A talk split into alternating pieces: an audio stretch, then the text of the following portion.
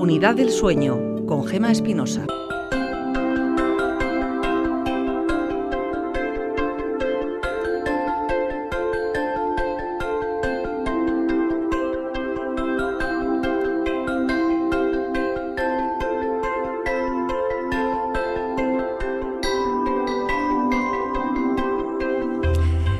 Esta sintonía nos incita a dormir, pero la realidad suele ser otra.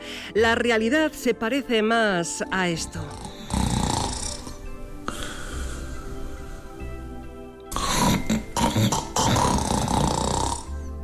Sí, están estos ronquidos en los que la persona roncadora incluso deja de respirar durante un tiempo. El que está al lado se asusta porque de repente, tras el silencio, suelta un ronquido atronador. ¿Le suena?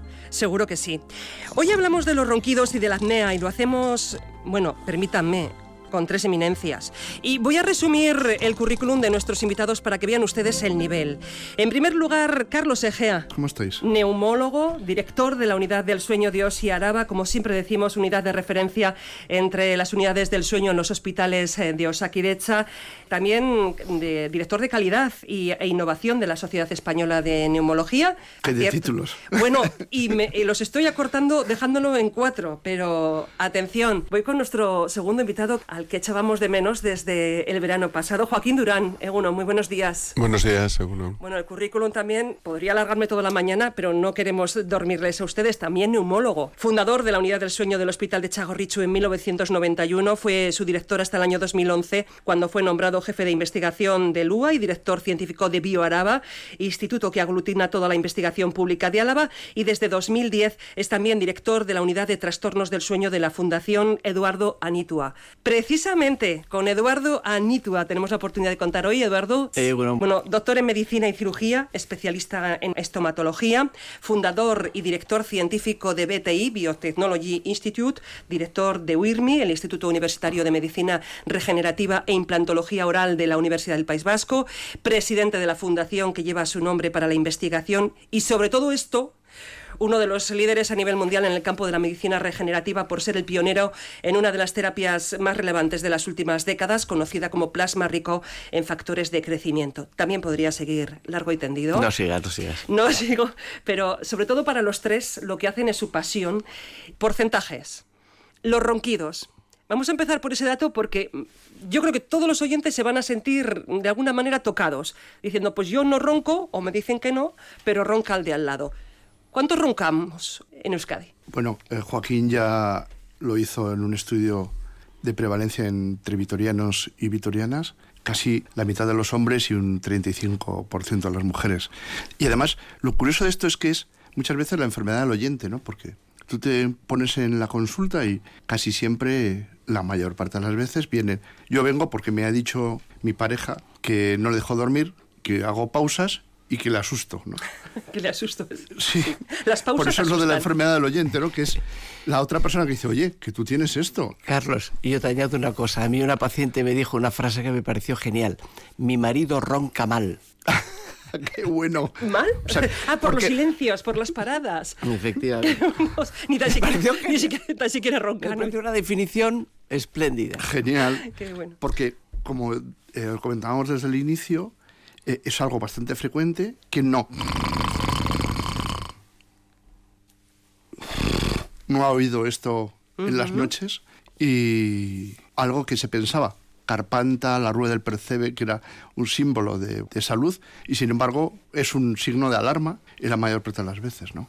¿O no, Joaquín? No, estoy muy de acuerdo. Quizá también hay que añadir que es una sintomatología que tiende a negarse, ¿no? Porque la persona que ronca no tiene conciencia de ronquido y esa conciencia es otorgada por el, como dice Carlos, el oyente o el sufriente de ese ronquido.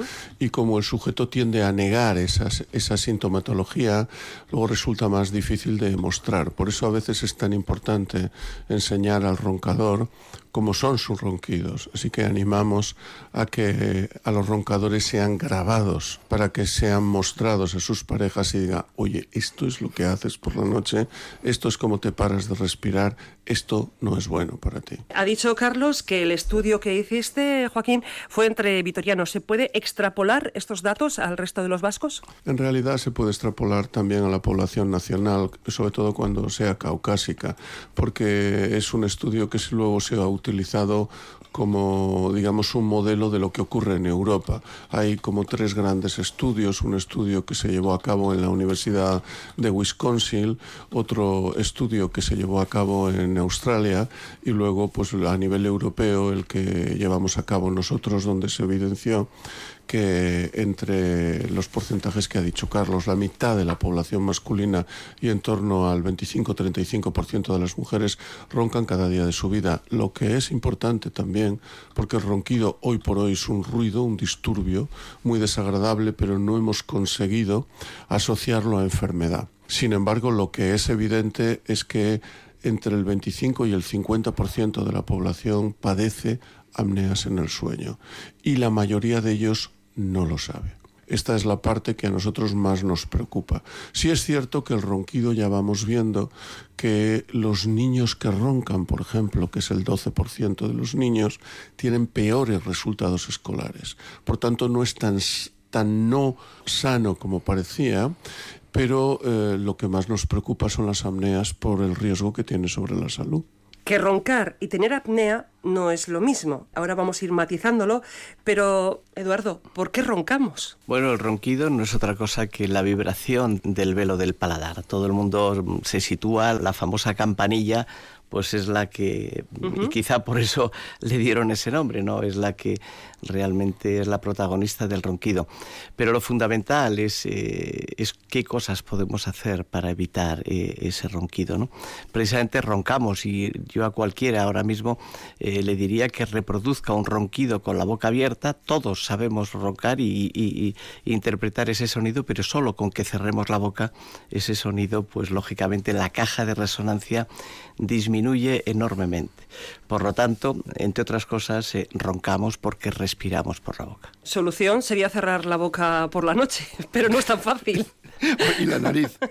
No, porque ya entonces no tiene solución. No, pero lo primero de todo es la primera pregunta. Pero bueno, pero roncar es malo, como decía Joaquín. Hombre, para el de al lado sí. Para el de al lado sí, claro, porque puede provocar en una persona que tiene, sobre todo si es mujer, pues que se despierte más, que con la menopausia ya no solamente se sumen los sofocos, sino también un ruido, es decir, miles de cosas. Pero es que, a la primera pregunta, ¿el roncar puede ser un dato que hay que mirar? Sí, porque la apnea, eh, que es la ausencia de ronquido, entre cada ronquido puede provocar que vivas menos, que seas menos feliz, que seas menos inteligente, entre comillas, si eres joven. Es decir, cosas que sabemos... Tu desarrollo sí que... Claro, el desarrollo. Es que hasta ahora no sabíamos muy bien qué importancia tenía. Y el sueño, globalmente, como ya hemos hablado muchas veces, es un dato que afecta a la salud en general y coadyuva a muchos problemas. Pero es que además el ronquido y la apnea ya es de por sí una enfermedad que resta vida, calidad, inteligencia, felicidad, miles de cosas que se pueden fácilmente diagnosticar y tratar, que es lo fácil, ¿no? Yo decía, no es lo mismo ronquido que apnea, Joaquín. ¿Qué diferencia hay? Bueno, la diferencia fundamental está en que todos los apneicos roncan, pero no todos los que roncan tienen apnea. Sin embargo, el ronquido es un signo de alarma. Cuando alguien es un roncador, significa que existe el riesgo de que haga apneas. El ronquido, como dice Eduardo, es una vibración del paladar blando. En términos físicos, significa que la presión que tenemos dentro de la garganta empieza a igualarse a la presión de las paredes de nuestra propia garganta. El siguiente paso después del ronquido es que esta garganta se cierra. Por eso el ronquido es un signo de alarma. Cuando Eduardo estaba hablando de la respiración, y de eso él ha desarrollado unos estudios en los últimos meses y publicó un libro sobre esto y la importancia de respirar por la nariz y cómo la respiración condiciona también cómo va a ser nuestra anatomía y función de nuestra garganta y lo que ocurre con nuestra boca y nuestros dientes cuando respiramos, ¿no, Eduardo? Sí, efectivamente. La verdad es que desde que yo me inicié en este mundo por culpa de don Joaquín Durán, que hace ya 15 años me introdujo este virus, como también yo creo que se lo metió a Carlos. Sí, y a todos los oyentes me da la sensación. Ahora que estamos hablando de virus, en nuestro caso somos dos contagiados científicos de la apnea del sueño por Joaquín. Eh, la verdad es que en todo este recorrido lo único que nos hemos llevado han sido sorpresas sobre la enorme importancia que tiene reeducar la respiración, reeducar a nuestros hijos con su respiración, porque hay un síndrome que es el síndrome obstructivo nasal infantil, que no es otra cosa que cuando un niño se coge un catarro y tiene una obstrucción nasal, luego hay que reeducarle, rehabituarle a que vuelva a respirar como cuando era un bebé que obviamente todos hemos visto a un bebé y cuando un bebé está mamando, lógicamente solo puede respirar por la nariz porque tiene la boca totalmente sellada. Pues este hábito con el que todos nacemos se pierde a lo largo de la vida por este síndrome obstructivo nasal infantil, en otras palabras, por un catarro nasal que luego posteriormente no se rehabilita todo el mundo cuando un niño se rompe un tobillo sabe que después tiene que rehabilitar porque se le ha olvidado andar. Y esto lo entiende todo el mundo que un niño tiene que rehabilitar su caminar. Pero lo que por así decir, los médicos no, no éramos conscientes, y yo entre ellos, que cuando un niño tiene un catarro, luego hay que rehabilitarle su respiración. Y este es el inicio de lo que luego va a suceder, que como han dicho Joaquín y Carlos, tenemos que el 50% de la población en el País Vasco son respiradores orales, probablemente más yo diría que un porcentaje superior. Que se hubiese podido subsanar si cuando tuvimos ese catarro de pequeños nuestros padres hubiesen sabido antes y ahora, estoy segura que no lo saben, cómo rehabilitar esa forma de respirar. Hablando de niños, vamos a escuchar una de las preguntas, hace referencia a eso una madre preocupada por su hijo, precisamente porque el padre tiene apneas. Bueno, eh, yo tenía una consulta relacionada con el tema de las apneas. Eh, a mi marido le han diagnosticado que las tiene y bueno, le han puesto una máquina para dormir y desde que la tiene fenómeno para él y para mí también, que estoy mucho más tranquila. Mi duda surge porque tengo un hijo de 20 años que de siempre pues se ha quejado de lo mismo, de que a pesar de dormir muchas horas no, no se levanta descansado. No sabemos si tiene algo que ver, si las apneas son hereditarias o bueno, si tiene otro, otro motivo. ¿Son hereditarias las apneas? Bueno, lo que heredas es la forma de la cara. Heredamos muchos factores de nuestros padres, ¿no? Como el color de los ojos, la forma de la nariz, la cantidad de músculo que hay en la lengua, en la barbilla, es decir, que desde el punto de vista genético, claro que heredamos predisposición a ella sí o no. Más eso, más todo lo que ha dicho mis compañeros, tanto como Eduardo como Joaquín, que se heredan también hábitos. También suceden cosas en la infancia, pues como que tienes igual muchas amigdalitis de repetición o que tienes las amígdalas grandes y eso te condiciona en tu vida infantil. Es que hasta hace bien poco no le dábamos la relevancia que tiene en salud a estas cosas como es el dormir. Pensábamos que podíamos vivir sin dormir. El roncar, pensábamos que el ronquido era un sinónimo de salud. Los dientes, pensábamos que, y esto lo puede decir Eduardo, que el que uno saldría con los dientes mal se corregía con un aparato y punto, y volvían otra vez a ponerse aparatos y aparatos, porque como no se había identificado cuál era la causa de la malposición o de la mordida, pues bueno, pues uno seguía así y su lengua iba trabajando o no, Eduardo. Y así ha continuado la historia. No, como nos está contando Carlos, la relación entre la respiración, la lengua y los dientes es algo que lo conocemos desde hace muy poquito. Los que nos dedicamos al mundo de los dientes, y fijaros que ahora estamos aquí un dentista con dos neumólogos, a los que yo les voy reconvirtiendo a que sepan mucho de dientes y ellos me han reconvertido a mí a, que preste muchísima atención a las apneas del sueño porque tienen una relación directa. Entonces, todos estos niños que dicen es que mi niño rechina los dientes, es importantísimo para todos los padres que nos estén escuchando en este estos momentos que presten mucha atención a cómo respiran sus hijos y que ellos mm, pueden ser eh, el profesor eh, de, respiración de sus hijos, que tenemos que ser conscientes que hay una forma fisiológica de respirar, que la naturaleza nos ha puesto a todos, ahora que hemos venido hoy todos aquí al radio con una mascarilla que es un filtro artificial, eh, nosotros tenemos un filtro natural, un filtro natural que es el filtro fisiológico y biológico que nos protege. Eh, a todos los, los como antes hemos comentado, eh, que pueden tener cualquier trastorno respiratorio, parte de la solución la llevamos puesta, pero sin usar. Yo entiendo que la mayor parte de los dentistas no saben nada del sueño, no es una relación directa, por lo menos hoy por hoy. Pero me estás diciendo que si yo o mi pareja ronca mucho, eh, ¿el dentista podría hacer algo? Vamos a ver, al final es un tratamiento multidisciplinar y de hecho Joaquín, antes los tres eh, llevamos ya años trabajando juntos en proyectos de investigación.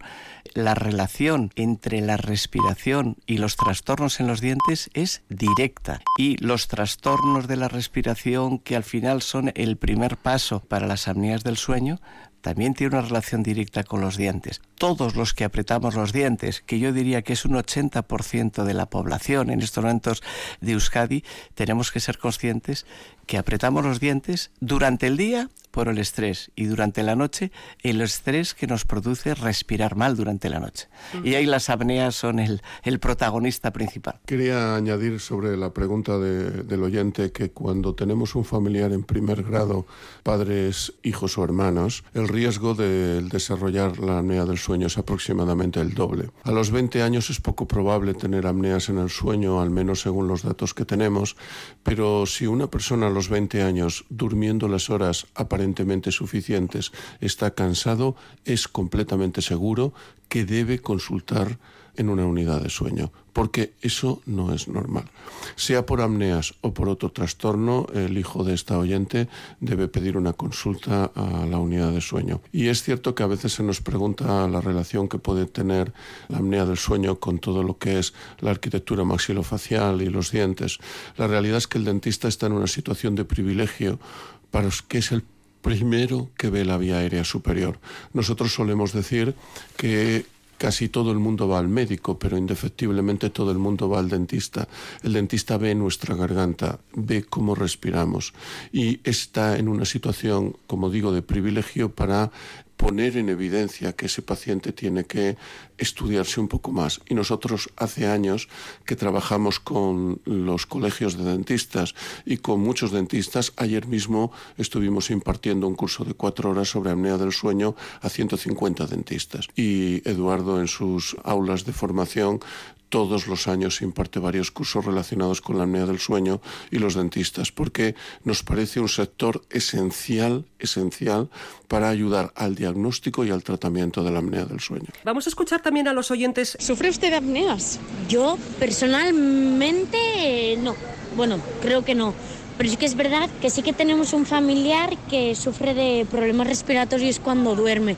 Mm, tiene bastantes, o sea, siempre ha sufrido de ronquidos bastante graves y es verdad que hubo una temporada que estuvo durmiendo con una máquina respiratoria que le ayudase. No, la verdad que no conozco a nadie que tenga apnea, pero sí que he escuchado a través de algún conocido o algo que gente como que se ahoga ¿no? por la noche y tienen que dormir con una máquina que debe hacer el ruido y demás. Sí, tengo algún amigo que, que tiene apnea del sueño ligera no tiene mucha, o sea, no es algo condicionante. Yo en mi entorno no conozco a nadie, sí que soy enfermera y en el hospital solemos tener varios pacientes que necesitan una máquina, una BIPAP, una CEPAP para dormir y muchos lo toleran bastante bien, solo que también están los que no consiguen adaptarse a las mascarillas que les ponen. Quien más, quien menos conoce a alguien que sufre de apneas. Entre nuestros oyentes también empiezan a llegar las preguntas, Olga, y una de ellas hace referencia precisamente a esa maquinita que hace ruido, como decía este oyente. Bueno, nos pide directamente soluciones para el ronquido con apnea porque dice que la máquina que existe ahora es muy molesta para el roncador, pero también para el que comparte cama. bueno, la maquinita que mete ruido, hay maquinitas que uno se adapta mejor y otros peor. Carlos, hay dos detalles en estas preguntas que han hecho los oyentes que me gustaría matizar con vosotros. Para que sepáis, más o menos hay 25.000 maquinitas en Vizcaya 12.000 en Guipúzcoa y 7.000, algo casi 8.000 en Álava. O sea que el, el número de personas que tienen maquinita es muy elevado. El ronquido habitualmente puede llegar a 80 decibelios. Y 80 decibelios, si no recuerdo mal, es el sonido de una sirena de una ambulancia. Mientras que las máquinas, que no son más que secadores de pelo, es decir, es un secador de pelo con un tubo que va a una mascarilla que va a la nariz y presuriza, es decir, mete aire para evitar que se colapse la vía aérea. Como máximo pueden meter más de 30. O sea que la máquina jamás meterá mucho más ruido que el ruido armónico que mete un roncador que puede llegar a cifras increíbles. Y aquí en nuestro entorno... Pero es curioso porque el ronquido no lo escucha el propio roncador, pero sí es capaz de escuchar la maquinita. Porque no es armónico. Y entonces los ruidos armónicos, como cuando pasa el tren, porque el ruido que tenemos fuera de nuestra casa muchas veces es más elevado que el que tenemos eh, dentro, producido por la máquina. De hecho, a mi consulta no han venido pacientes, han venido los vecinos del paciente a acompañar al familiar para decir que es que la comunidad no puede dormir. Y ese ruido es siempre inferior. Pero es que además hay diferentes dispositivos que hacen que el ruido sea mucho menor y gracias a la telemedicina que es tan famosa ahora, que, que además se ha impuesto, el número de personas que toleran mal la máquina es muy bajito. De hecho, en Vitoria, en Álava, es del 5% cuanto era habitualmente del 15%. Luego, sí que hay posibilidades. Y luego, Edu y Joaquín nos pueden decir más sobre si no toleras la máquina, hay alternativas que hasta hace bien poco era máquina o muerte, por decirlo así. Ahora ya hay otras posibilidades que Joaquín, si quieres, o Eduardo. El oyente que ha dicho no le deja dormir o suena mucho, ese puede ser ese 5% de la población que no asume el ruido de la máquina, aunque sí asuma sus propios ronquidos, que eso siempre me resulta sorprendente, ¿no, Joaquín? Es así porque es cierto que la máquina no es tolerada por todo el mundo. También es cierto que las modernas máquinas y la capacidad que tienen los técnicos de hacer que el paciente se adapte han disminuido muchísimo los efectos secundarios. Pero hay un porcentaje de pacientes que no consigue adaptarse. Y tanto para esos pacientes como para aquellos pacientes que no es grave, pero que aunque es leve moderado tienen apneas, tenemos los dispositivos intraorales que ahora mismo le paso la palabra a Eduardo para que nos hable de ello. Sobre el ronquido sí me gustaría decir que es que nosotros dejamos de oír aquellos sonidos que considera nuestro cerebro familiares. Y el ejemplo que suelo poner es cuando uno después de comer se queda dormido viendo la televisión y su pareja le dice, oye, estás roncando y él dice, no estoy roncando porque estoy oyendo el telediario y te puedo decir las noticias. Ambos tienen razón. Cuando entramos en la vigilia sueño y empezamos a quedarnos dormidos, podemos seguir escuchando algo que no es del todo normal, como es alguien hablando, pero dejamos de oír los sonidos que son sonidos propios como es el ronquido o nuestra propia respiración. Por eso se tiende a minimizar el ronquido, porque el propio sujeto no es consciente de que lo está produciendo, aunque sea enorme. Olga, están llegando varias preguntas que hacen referencia a las máquinas y también a la relación entre respiración y obesidad. Cuéntanos. Bueno, en cuanto a las máquinas, hay opiniones de todo tipo. Hay oyentes que están asegurando que, bueno, pues que no tienen ningún problema con la máquina, que duermen bien, incluso llevando mascarilla y que sus familiares también. Pero también preguntan si no hay modelos más ligeros para poder transportarlos cuando la gente viaja de vacaciones o, en este caso de esta oyente, cuando va al monte. ¿Hay máquinas más ligeras? Entiendo que es que la que tiene esa persona es más pesada y se la quiere llevar de vacaciones, ¿no? Esto es como los coches. Tenemos desde los coches utilitarios hasta los grandes coches de Fórmula 1, ¿no? Lo mismo hay en, en, las máquinas. Lo que ocurre es que lo que se intenta asegurar para el 90% de la población es que la máquina sea terapéuticamente hablando correcta, que anule los eventos y que tenga menos de 30 decibelios nocturnos a una presión fija, que es lo que el Boletín Oficial del Estado marca como que genera ruido en un domicilio. Y luego, como los coches hay, con asientos calefactados, volante de madera. Eh, o sea que sí más, hay. Sí, sí las hay hay. Bueno, tenemos una entrada de un anestesista. Nos comenta que para los anestesistas la vía aérea y sus problemas son muy conocidos, que nos piden que comentemos la relación directa que hay con la obesidad. Hay pacientes, dice, que han adelgazando entre 15 y 20 kilos han dejado de tener apneas. Eso sí que es un dato interesante. Joaquín. Eh, se sabe que una reducción de peso del 10% produce una mejora en las apneas del 25% y y una mejora en el índice de masa corporal, una reducción de peso del 25%, mejora las apneas en torno al 50%, siempre que el sujeto sea obeso. Por tanto, está claro lo que dice nuestro colega anestesista. Él sobre todo hace referencia a las dificultades que pueden suponer estos pacientes de cara a la intubación y a lo que nosotros llamamos en la anestesia, la posanestesia, porque cuando un paciente amneico que no se sepa que es amneico se anestesia, durante la anestesia y en la posanestesia las apneas son de más larga duración y peores, y el posoperatorio inmediato de estos pacientes es peor. Por eso es tan importante diagnosticar a estos pacientes. Que sepan nuestros oyentes que en el mundo se calcula que hay unos 40 millones de personas que usan CIPAP cada día, que usan máquina de CIPAP. Por tanto, como dice Carlos, todo el mercado es gigantesco porque es realmente un país lleno de gente que usa CIPAP. Hay máquinas que pesan menos de un kilo, máquinas que tienen su propio servidor de Internet, que se pueden conectar al móvil y que el paciente y el médico, a través de telemedicina, como decía Carlos, puede seguir perfectamente las incidencias. Las máquinas que se colocan en Euskadi son aceptables, es decir, no son la última gama, de la máquina, pero son máquinas aceptables que hacen su trabajo. Pero luego, sobre este mercado, hay una amplísima gama donde se pueden realmente obtener equipos muy, muy modernos. Por los que hacen del verbo cuidar su bandera y tu casa.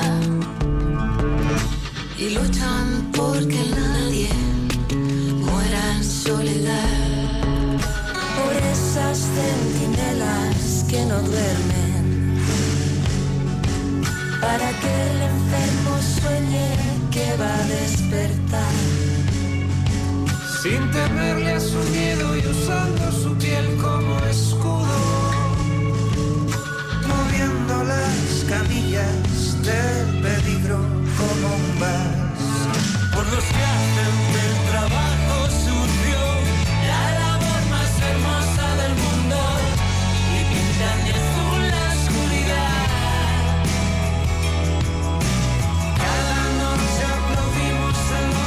Eduardo, el porcentaje de gente, nos decía Joaquín y Carlos, roncan más los hombres que las mujeres, es cierto. En vuestra unidad del sueño, ¿os encontráis con gente de todas las edades? Porque hemos hablado también de los niños. Bueno, lo que es incuestionable es que a medida que va pasando la edad, que vamos creciendo a partir de los 40 años, esto se va magnificando. Y cuando tenemos personas con 60 años, la prevalencia del ronquido es realmente alta.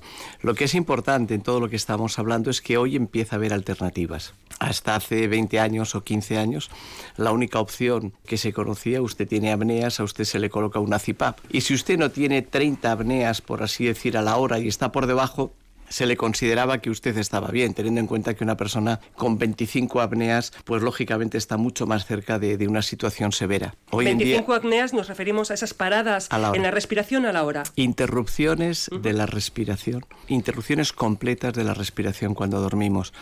En otras palabras, lo que antes comentamos, ese paciente que ronca mal, que está roncando y que está interrumpiendo permanentemente su ronquido. Entonces, hoy en día hay unos dispositivos intraorales eh, a todos los pacientes que apretaban los dientes. Nosotros ya históricamente les colocamos férulas de descarga y hoy en día se sabe que podemos modificar estas férulas de descarga, hacer lo que denominamos dispositivos intraorales, que lo que hacen es impedir que la mandíbula cuando dormimos se vaya hacia atrás, que la lengua se vaya hacia atrás y colapse la vía aérea. Estos dispositivos intraorales en ensayos clínicos han demostrado su efectividad, su eficacia y hoy en día se están utilizando sistemáticamente, incluso como complemento de la CIPAP. En unos casos es sustitutorio de la CIPAP y en otros casos tratan los pacientes moderados o leves que no eran susceptibles de llevar una CIPAP, pero lo más importante es que al 100% de los pacientes les protege sus dientes porque una de las cosas que hemos observado y los tres que estamos aquí hemos sido pioneros en el mundo en relacionar el bruxismo, las roturas de dientes, las roturas de prótesis con la apnea del sueño. Hay una relación directa entre el desgaste de los dientes, entre las fisuras de los dientes, con las apneas del sueño. Por lo tanto, Además de tratar las apneas, tenemos que proteger los dientes de los pacientes con apneas, porque todo paciente con apneas, todo el mundo con apneas, tiene bruxismo con diferentes grados de severidad. Por lo general, alto. Eduardo, muy atentos los oyentes. Olga nos hace una pregunta al respecto. Sí, nos dice si existe algún aparato para tener la boca cerrada. Cuenta que su madre de 91 años duerme con la máquina, pero abre la boca y se despierta con la boca muy seca y con la lengua pegada al paladar. Tiene una mentonera, dice, pero no le sirve. No, la mentonera quizá no es el- lo que yo le recomendaría. Aquí hay dos cosas. Una, ¿podemos reeducar la respiración? La respuesta es sí. ¿Es fácil? La respuesta es depende. Hay pacientes que lógicamente se van a rehabilitar mucho más rápido y otros pacientes que va a ser más difícil. Antes de una mentonera, un, un simple esparadrapo de estos de papel leve le puede ayudar a uno a ser consciente, porque es algo que uno se lo puede retirar fácilmente de que está respirando con la boca abierta. Quizás la primera noche se lo quite, pero terminará acostumbrándose. ¿La respiración se puede entrenar? La respuesta es sí. ¿Tenemos que ser conscientes de la respiración? La respuesta es sí. Por lo tanto, mm, yo creo que casi todos los que estamos aquí, todos somos susceptibles de mejorar nuestra respiración, de rehabilitar nuestra respiración, de ser conscientes durante el día de nuestra respiración y si ese grado de entrenamiento lo llevamos a la noche, probablemente iremos mejorando y corrigiendo este mal hábito de respiración oral. Por cierto, eh, Eduardo Anitua, que tiene un libro precisamente eh, especificando con buenos dibujos cómo tiene que ser esa respiración. Pero Olga, Pues nos dice un oyente que participó el año pasado en un estudio clínico de la unidad de sueño que utilizaba parches faciales para reducir ronquidos y apneas y que nunca supo el resultado, si se va a poder utilizar. Y otra pregunta que nos lanza otro oyente dice, bueno, a veces me despierto con mi propio ronquido. ¿Puede ser cierto que nos despertemos con nuestro propio ronquido? Claro, si el ruido del ronquido supera, bueno, unos decibelios, diríamos 80, que es el- la sirena de una ambulancia, pues cómo no se va a despertar él y todos y los todos los vecinos. vecinos. Y, y con respecto a la primera pregunta, sí es verdad que hicimos un estudio con grupo control sobre unos parches que se ponen alrededor de la boca y de la nariz y no se alcanzó significación estadística, pero sí que había una tendencia en el grupo que usaba los parches a reducir el ronquido que no las apneas. Y esa es la conclusión final, Final. sobre ese estudio. Eh, Pero bueno, es mejor ¿no? que miles de cosas que hay en las farmacias, pues anillos que no se han sometido a un rigor científico para demostrar que son efectivas o no, Joaquín. Sí, en realidad eso es lo que hay que hacer, porque habiendo tantos millones de personas que roncan y tienen apneas, aparece mucho merchandise alrededor y mucho marketing que no tiene ningún sentido. Eh, Por lo menos en este estudio se realizó un ensayo clínico para ver el resultado y como dice Carlos tuvo un poquito más efecto que este tipo de productos. Sí me gustaría insistir en la pregunta de cuando alguien abre la boca y tiene sequedad faríngea, a veces basta colocar un humidificador calentador a la propia máquina de CIPAP y en ocasiones hay que instalar una mascarilla que no solo sea nasal sino nasobucal para evitar ese proceso.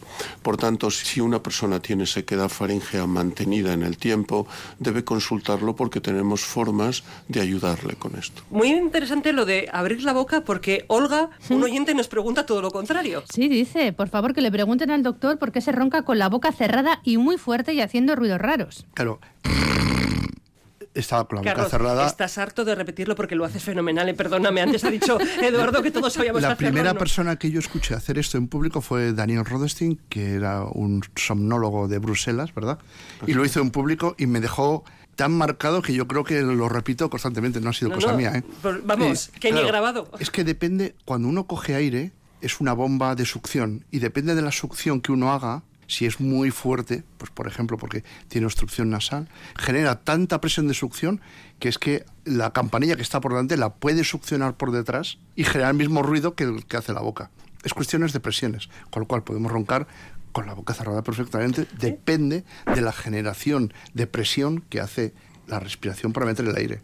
Siempre pensamos en el roncador obeso, que lo comentábamos antes, y con la boca abierta, pero no siempre es ese perfil. Antes de seguir con las llamadas de los oyentes, me gustaría matizar y poner el acento en algo importante. Hemos hablado que los ronquidos afectan al desarrollo, por ejemplo, de los niños. Lógicamente afecta al vecino o al de al lado, sin más, pero tiene efectos la apnea en nuestra salud muy concretos. ¿Los podemos matizar? Por supuesto, los efectos sobre la salud de la apnea del sueño está en el área cardiovascular, es la primera causa de hipertensión secundaria, aumenta el riesgo de enfermedades cardiovasculares y cerebrovasculares como es arritmia, ictus, infartos. Y luego, fuera de la esfera cardiovascular, tiene que ver con el área neurocognitiva, deteriora la calidad de vida, produce un exceso de mortalidad. España fue pionera en el año 91 en trabajar junto con la Dirección General de Tráfico para que no se pudiera conducir si se tenía apnea del sueño. Y ahora gracias a los trabajos españoles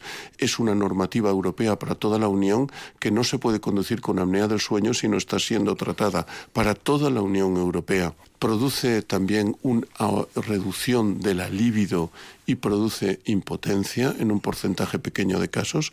Se ha visto que reduce la fertilidad, aumenta los costes sanitarios entre dos y tres veces, tiene relación con algunas enfermedades como es la osteoporosis y enfermedades oculares como es el glaucoma de ángulo abierto o algo que se llama el síndrome de párpado caído. Es decir, tiene muchísimas complicaciones que deterioran la calidad de vida y, como decía Carlos, nos hace menos felices, que también es algo que importa mucho. Y el deterioro cognitivo cada vez se está viendo más relacionado con la apnea del sueño. Así que, con seguridad, sí casi aguantamos más diciendo a qué no afecta, porque prácticamente todas las enfermedades tienen relación con esa mala respiración o respirar mal que decía Eduardo. Bueno, nos preguntan cómo enseñar a un niño a volver a respirar bien, pero también eh, varias preguntas con respecto al último que estabais comentando. Por ejemplo, una de ellas es, ¿un desvío del tabique nasal puede producir apnea? Y otra es, ¿hay operación para corregir la apnea? Vamos por partes, vamos a empezar por el final. ¿Hay operación, sí o no? Diríamos que la cirugía, porque hay dos esferas, el área otorrino, es decir, sobre lo que vibra, y el área maxilofacial, que es sobre la estructura que lo soporta. Y sí que existe esa posibilidad siempre y cuando tenga unos factores, pues que tenga barbilla corta, que tenga mucho paladar, pero solo se deja una vez que el tratamiento médico, porque las complicaciones son varias, ha fallado. Es decir, sí, pero diríamos que en diferentes pisos y estaríamos en el subsuelo, ¿no? Hay, pero en casos muy concretos, cuando la apariencia física, digamos, eh, de esa persona pueda ayudarle. El avance maxilomandibular es un tratamiento que ha demostrado su eficacia, pero al mismo tiempo a mí me gustaría añadir que todos queremos que se solucione con una cirugía o con una pastilla. De hoy para mañana, ¿no? Además. Efectivamente. a respirar también es importante que hay que entrenarlo y también exige una parte importante por, por parte del paciente de decir, tengo un problema y yo puedo eh, interferir positivamente en la solución de este problema. No solo se lo pongo en malos del médico y le digo, pues opéreme o deme, hágame lo que tenga que hacer. Bueno, pues igual le ponemos deberes usted también para que vaya a casa y para que pueda mejorar. Eh, aquí hay varias cosas. Por supuesto que puede haber obstrucciones nasales completas en el que el tratamiento es quirúrgico. Claramente la respuesta es sí. Por lo tanto, tenemos que tener una vía aérea permeable. Pero no es menos cierto que tanto el aire como el agua pasan eh, fácilmente. Entonces, solo, lógicamente, obstrucciones eh, severas son un condicionante para la respiración nasal. Lo que es más importante de la respiración es que hay que entrenarla, hay que rehabilitarla. Y tenemos que ser conscientes, que es un poco lo que preguntabas antes, que la respiración fisiológica es por la nariz. Y todos hemos nacido respirando exclusivamente por la nariz y todos tendríamos que ser conscientes que durante el día tenemos que respirar exclusivamente por la nariz. Obviamente, en el momento como ahora que estamos hablando, es un momento en que el aire lo estamos expulsando por la boca. Y cuando comemos el resto del día tendríamos que estar cuando caminamos, cuando estudiamos, cuando conducimos, cuando estamos haciendo deporte que no sea de una máxima exigencia, tenemos que estar respirando por la nariz. Creo que la idea de que hay que entrenar la respiración está clavándose en la mente de nuestros oyentes por la cantidad de preguntas que hacen referencia a cómo debemos respirar. Yo decía que habías editado un pequeño librito en el que con dibujo se va viendo cómo ha de hacerse esa respiración. Sí, nos animamos a escribir un, un libro y en colaboración trabajamos los que estamos en esta mesa, tanto con Joaquín como con Carlos. La idea es que todo paciente tenga, eh, y de hecho hay un vídeo y colgamos en internet, yo creo que cualquiera eh, que entre en estos momentos en YouTube tiene un vídeo que con que ponga pues nuestro nombre y respiración, el vídeo está en YouTube de cómo tenemos que respirar y por qué es tan importante respirar por la nariz. Antes hemos comentado que estamos hoy en día utilizando filtros artificiales que es la mascarilla. La nariz es el filtro fisiológico y aquí tenemos dos grandes expertos del papel de filtrado, de calentar, de humectar el aire por parte de la nariz. En otras palabras, llevamos un acondicionador de aire puesto, fisiológico que nos ha puesto la naturaleza y si respiramos por la boca no lo estamos usando. Por lo tanto, conscientemente tenemos que intentar que el aire siempre pase por este regulador fisiológico de la respiración. Y ahora mismo que tenemos... Hay que entrenarlo por la mañana o por la noche, hay que hacer un entrenamiento. Yo le diría a todos los oyentes que, que le ponemos deberes, y es que cualquiera de ellos se cronometre en condiciones normales cómo es su respiración, cómo es el ritmo de su respiración, que controle a sus hijos cuál es el ritmo de la respiración, que todos respiren en familia, que se controlen y si están en reposo por encima de 10 respiraciones por minuto están hiperventilando. Luego quiere decir que tienen que aprender a respirar no solo por la nariz, sino también más despacio. Bueno, la vida y el estrés también nos lleva a veces a, respirar mucho más rápido de lo que deberíamos. Creo que mm, hay mucho desconocimiento sobre ello y vuestra labor en este caso es impresionante. Carlos Egea, Joaquín Durán, Eduardo Anitua, yo decía al principio, los mejores investigadores del tema. Hay otros muchos que están trabajando. Vayan ustedes a sus hospitales, pregunten a su médico de cabecera. Este es un tema que puede cambiar la vida de muchas personas y vuestro trabajo de divulgación, bueno, está poniendo su granito de arena. A los tres, mil gracias. Muchas gracias.